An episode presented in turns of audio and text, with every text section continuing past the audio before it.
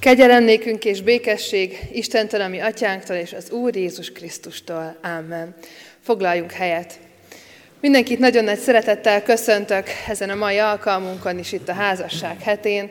Láttam, hogy sokan végigjárták, vagy elkezdték már az ima sétát, és ezek az esti áhítatok, Isten tiszteletek is összefüggenek a házassággal, és ennek az ima sétának is a, a témájával. És van egy ige, amely az egész hetet végig vezeti, ezt szeretném most felolvasni a Prédikátor könyvéből. Jobban boldogul kettő, mint egy. Fáradozásuknak szép eredménye van, mert ha elesnek, föl tudják segíteni egymást. De jaj az egyedülállónak, mert ha elesik, nem emeli föl senki. Épp így, ha ketten fekszenek egymás mellett, megmelegszenek. De aki egyedül van, hogyan melegedhetne meg? Ha az egyiket megtámadják, ketten állnak ellent. A hármas fonál nem szakad el egy hamar. Amen. Kezdő énekül énekeljük a 128. Zsoltárunknak az első három verszakát, a kivetítőn látható lesz a szöveg, 128. Zsoltárt, amely így kezdődik, boldog az ember nyilván, ki az Istent féli. thank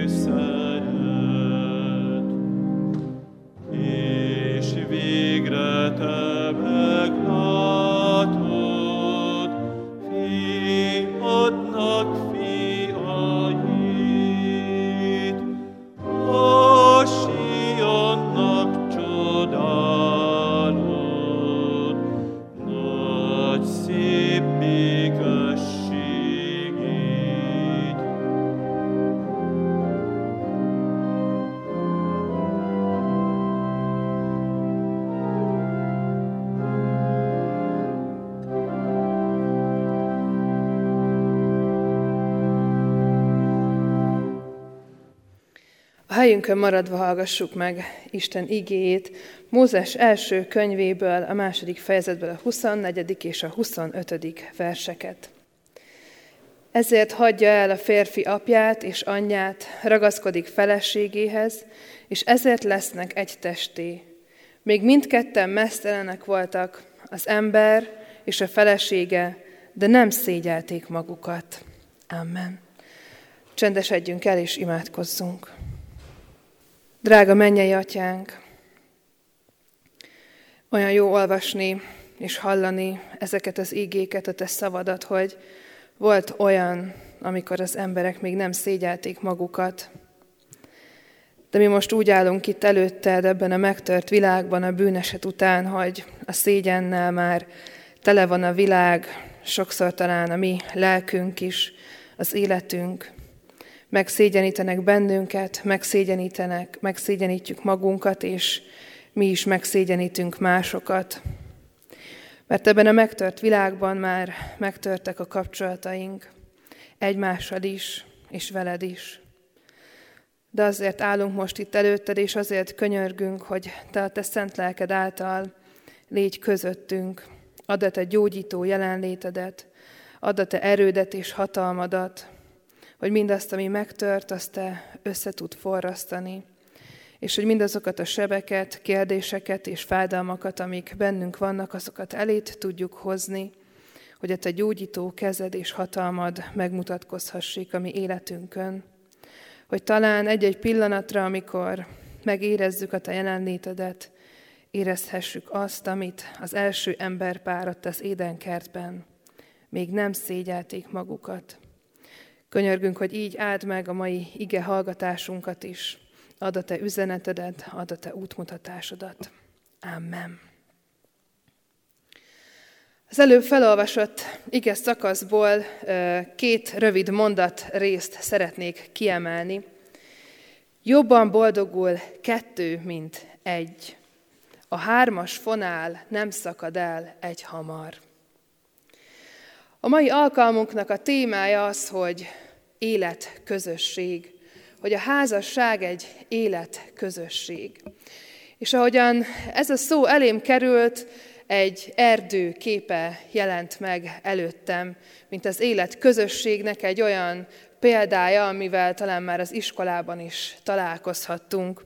És ahogy megnéztem a házasság hetének ezt a kis füzetét, láttam, hogy ez is ilyen erdei mintával, zöld levelekkel és ágakkal van díszítve, és azt gondoltam, hogy valahol ez, a, ez az erdő is egy ilyen életközösséget szimbolizál, és ezek az növények is itt ezen a kis brosúrán.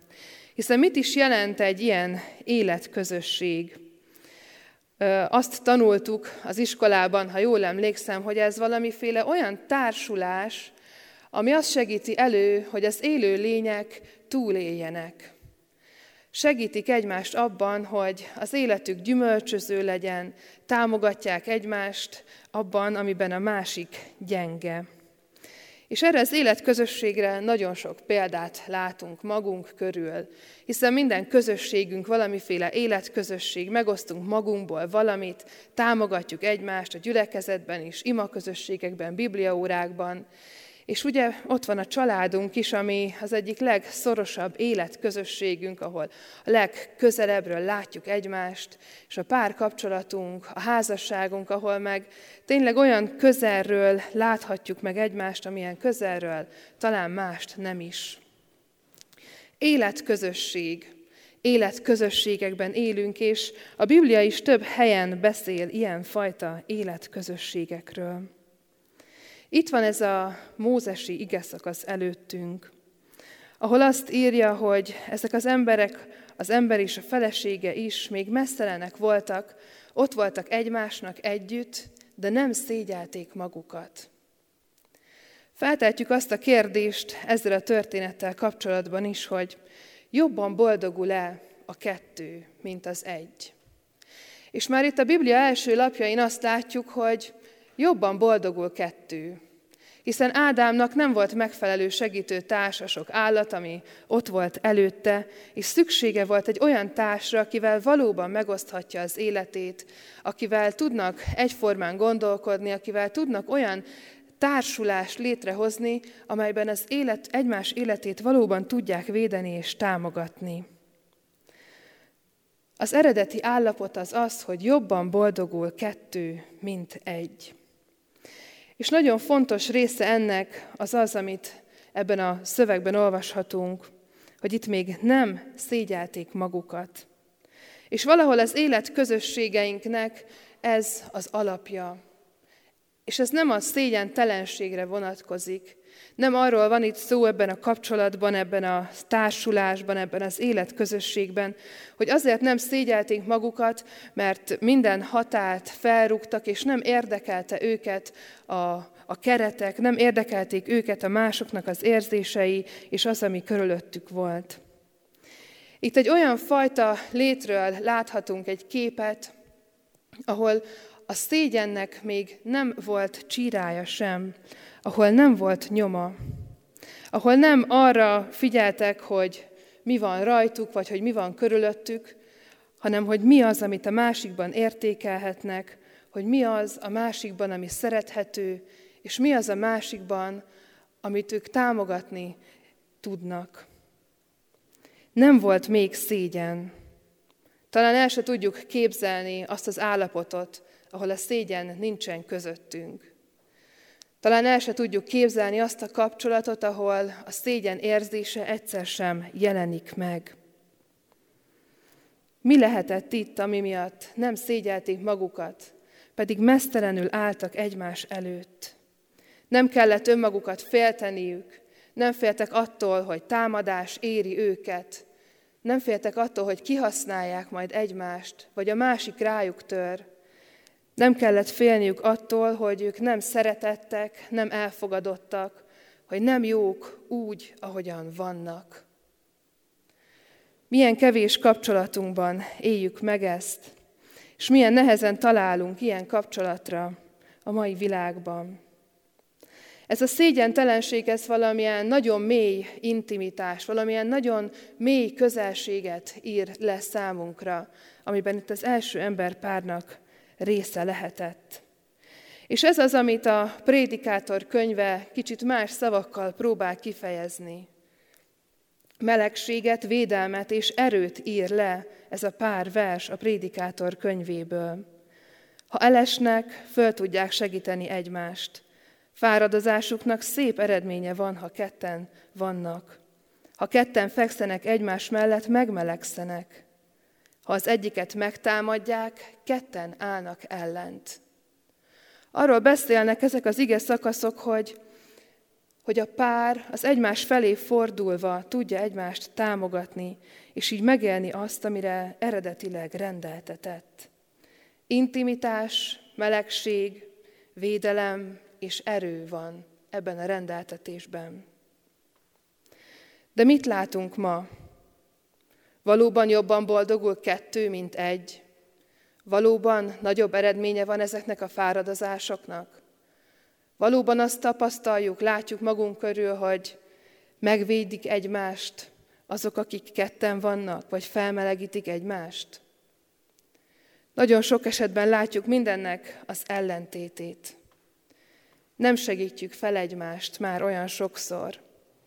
Nem a melegséget árasztjuk egymás felé, hanem az elhidegülés útján járunk, és a távolság útján. Nem megvédjük egymást, hanem sokszor talán emberi pajsként használjuk a másikat, kihasználva arra, hogy mi jól érezhessük magunkat. Megszégyenítünk másokat azzal, amit gondolunk vagy mondunk róluk. Nem azt látjuk, hogy jobban boldogul kettő, hanem azt, hogy ahol ketten összegyűlnek, ott már surlódás, ott már ellentét, ott már nehézség van, ott már felüti a fejét az önzés. Egyszer segít a másik, másszor pedig lehúz. Milyen nehéz kiigazodni így a világban, milyen nehéz így megbízni másokban, milyen nehéz így az ilyen kapcsolatot, a mélységet, az intimitást és a szeretetet megtalálni és megkeresni. Hol romlik mindez el? Hol rontjuk mi magunk el ezeket a kapcsolatainkat? Azt hiszem, hogy az önzés az, ami a leginkább megrontja ezt a mély és Istentől kapott csodálatos kapcsolatot, Az az önzés, ami már a mózesi történetben is az édenkertben megjelenik a bűnesettel. Ez az, aminek a következményeit hordozzuk mi magunk is. Az a fajta önzés, ami valóban csak magára gondol. Ami arra gondol, hogy ő mit vár el egy kapcsolattól, hogy ő milyennek képzelte el azt a házasságot, azt a párkapcsolatot. Az a fajta önzés, ami a másikat csak megkötözi, és megpróbálja ő rá, rányomni az ő elvárásait. És ezzel csak egy dolgot hozunk elő a kapcsolatainkba, a szégyent. Mert amikor megpróbáljuk a másiknak, a másik által lejel, lejeltetni vele azt az életet, amit mi elképzeltünk, akkor teljesen megfeledkezünk arról, hogy ő milyen. Akkor egyáltalán nem elfogadjuk azt, hogy ő milyen, és hogy mit tud adni nekünk, hogy hogyan tud támogatni, hanem megszégyenítjük az ő egész valóját azzal, hogy mi milyen elvárásokat támasztunk felé. Ilyenkor a közös élet feladattá válik. Feladattá, hogy megfeleljek a másiknak, feladattá, hogy megfeleljek a kapcsolat szabályainak, feladattá, hogy megfeleljek az életnek. És az élet közösség, amelynek egymás felé, befelé kéne erősítenie egymást, feladat megosztásá silányul, ami nem csak a feladatokat osztja meg, hanem a kapcsolatot, az életet is elaprózza, és nem az egység felé viszi. Ha olyan kapcsolatra vágyunk, amelyben az első emberpár is lehetett, ahol még nem szégyelték magukat, akkor azt nem ebben a világban kell keresnünk. Annak a forrása nem ebben, ebből a világból, és nem a magunk erejéből, az emberi elképzelésekből, álmokból épül. Azt mondja Jézus Krisztus, hogy meg kell tagadnunk magunkat ahhoz, hogy őt tudjuk követni. Fel kell vennünk a keresztjét, mert aki meg akarja tartani az ő életét, elveszti azt. Aki pedig elveszti az ő életét, én értem, azt találja meg. Ami önzésünk, az nem vezet ép és egészséges kapcsolatokhoz. Ami önzésünkben a mi általunk elképzelt párosulásokban és társulásokban nem az élet fakad fel, hanem a széthúzás.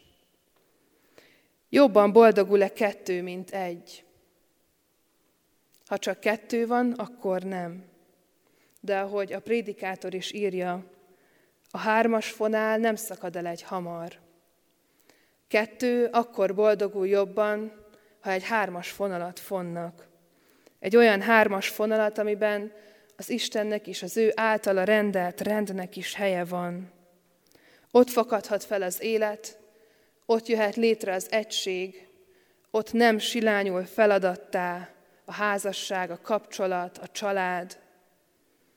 Ott jön létre az a kapcsolat, amiben nem kell szégyelnünk magunkat, ahol az életünk és önmagunk megosztása természetes dolog lehet. Azt kívánom ma mindenkinek, hogy ezt a kapcsolatot tudjuk keresni Istennél, hogy ezt tudjuk kérni tőle, hogy ő gyógyíthassa a mi szívünket is, hogy a mi önzésünkből tudjunk ráfigyelni, hogy ne megszégyenítsük egymást, hanem szeretettel tudjunk egymás felé fordulni, úgy, ahogyan ő is tette ezt felénk. Amen. Imádkozzunk! Drága mennyei atyánk, a te terveid annyira csodálatosak és fantasztikusak a mi életünkre. Te eltervezted azt, hogy jobban boldoguljon kettő, mint egy. Te úgy terveztél bennünket, hogy ne egyedül kelljen élni az életünket, hogy ne az önmegvalósításunk, az önzésünk és csak a mi elképzeléseink valósuljanak meg akkor, amikor az életünkre gondolunk. Atyánk, ez olyan felszabadító egyrésztről, hiszen, hiszen milyen nagy felelősség lenne egy egész életet kitalálni, felépíteni.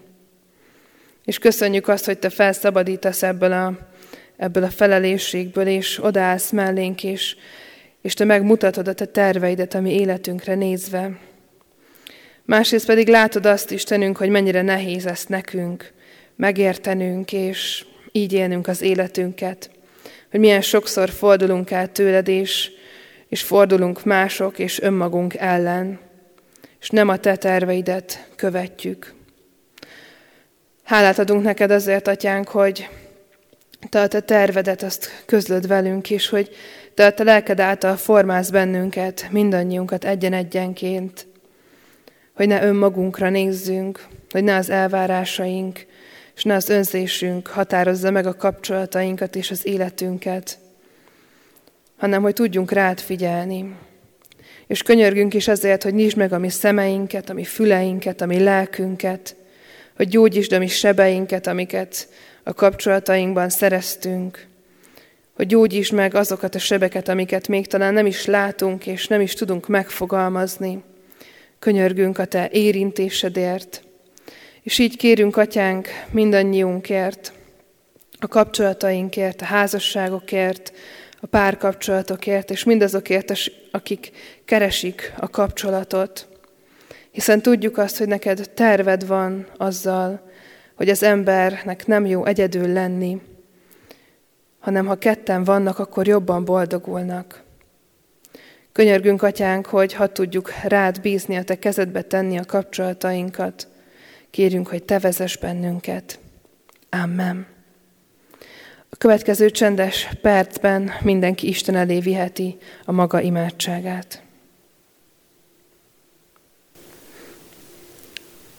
Amen. Fennállva mondjuk el az Úr Jézustól tanult imádságot. Mi atyánk, aki a mennyekben vagy, szenteltessék meg a te neved, jöjjön el a te országod, legyen meg a te akaratod, amint a mennyben, úgy a földön is. Minden napi kenyerünket add meg nékünk ma, és bocsáss meg védkeinket, miképpen mi is megbocsátunk az ellenünk védkezőknek. És ne vigy minket kísértésbe, de szabadíts meg a gonosztól, mert Téd az ország, a hatalom és a dicsőség, mindörökké. Amen. Fogadjuk Isten áldását. A kegyelem legyen mindazokkal, akik el nem múló szeretettel szeretik a mi Urunkat, az Úr Jézus Krisztust. Amen. Foglaljunk helyet.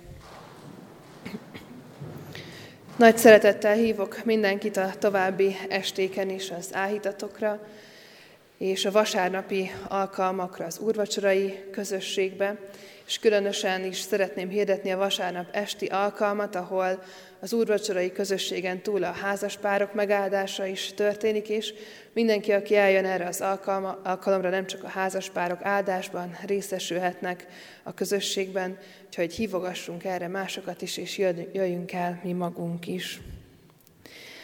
Záró énekként az új énekes könyvből 771. dicséretünket énekeljük, annak a az első öt versét, a kivetítőn látható lesz a, a szöveg, velem vándorol utamon Jézus.